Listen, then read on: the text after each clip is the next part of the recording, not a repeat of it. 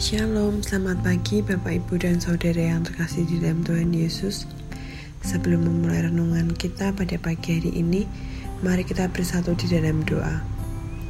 Terima kasih Tuhan Yesus untuk berkat dan juga kemurahan-Mu Untuk kasih setiamu di dalam setiap kehidupan kami.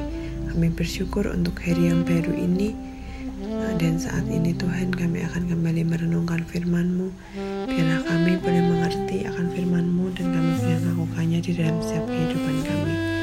Kami serahkan seluruh aktivitas kami sepanjang hari ini. Pimpin dan sertai kami agar apa pun yang kami lakukan Semuanya surut dengan kehendak-Mu. Terima kasih Tuhan Yesus. Kami sudah berdoa dan mengucap syukur. Amin. Renungan Suling 14 Mei 2022 dengan judul langkahmu bukti ibadahmu. Bacaan Alkitab terambil dari Pengkhotbah pasal 4 ayat 17 sampai pasal 5 ayat yang ke-6. Jagalah langkahmu kalau engkau berjalan ke rumah Allah, menghampiri untuk mendengar adalah lebih baik daripada mempersembahkan korban yang dilakukan oleh orang-orang bodoh, karena mereka tidak tahu bahwa mereka berbuat jahat.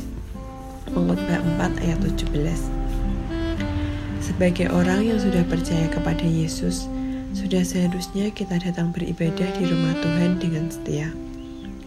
Beribadah secara rutin setiap minggu adalah suatu hal yang sangat penting bagi kita orang percaya. Namun, apakah tujuan kita datang ke rumah Allah?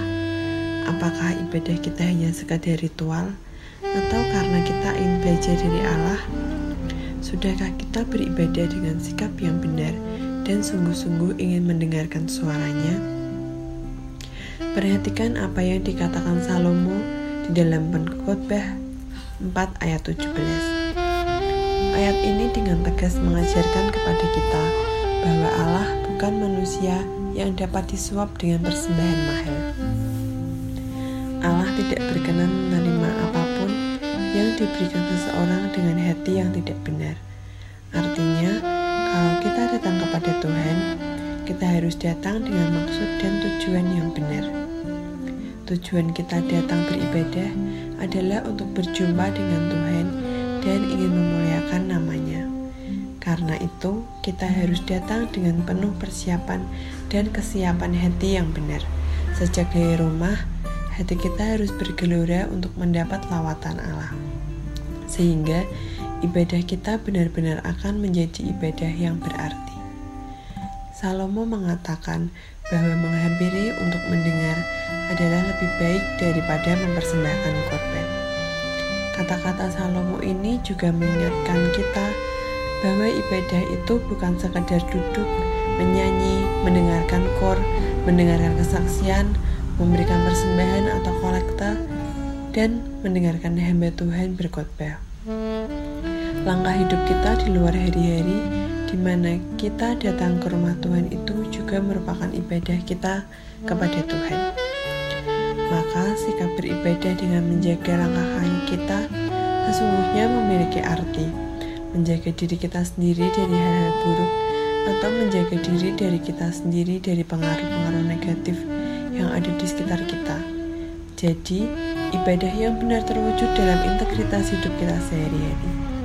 Tuhan menghendaki ibadah kita didasarkan akan rasa takut akan Allah, ibadah yang diikuti dengan suatu sikap di mana kita dapat menjaga kekudusan kita, hidup dari pengaruh-pengaruh buruk yang ada di luar kita.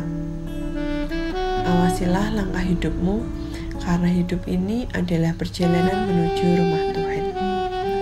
Pokok doa pada pagi hari ini berdoa untuk pelayanan yang ada di lembaga-lembaga baptis agar senantiasa dalam berkat pemeliharaan Tuhan dan menjadi berkat di mana pun berada. Sekian renungan kita pada pagi hari ini. Tuhan Yesus memberkati.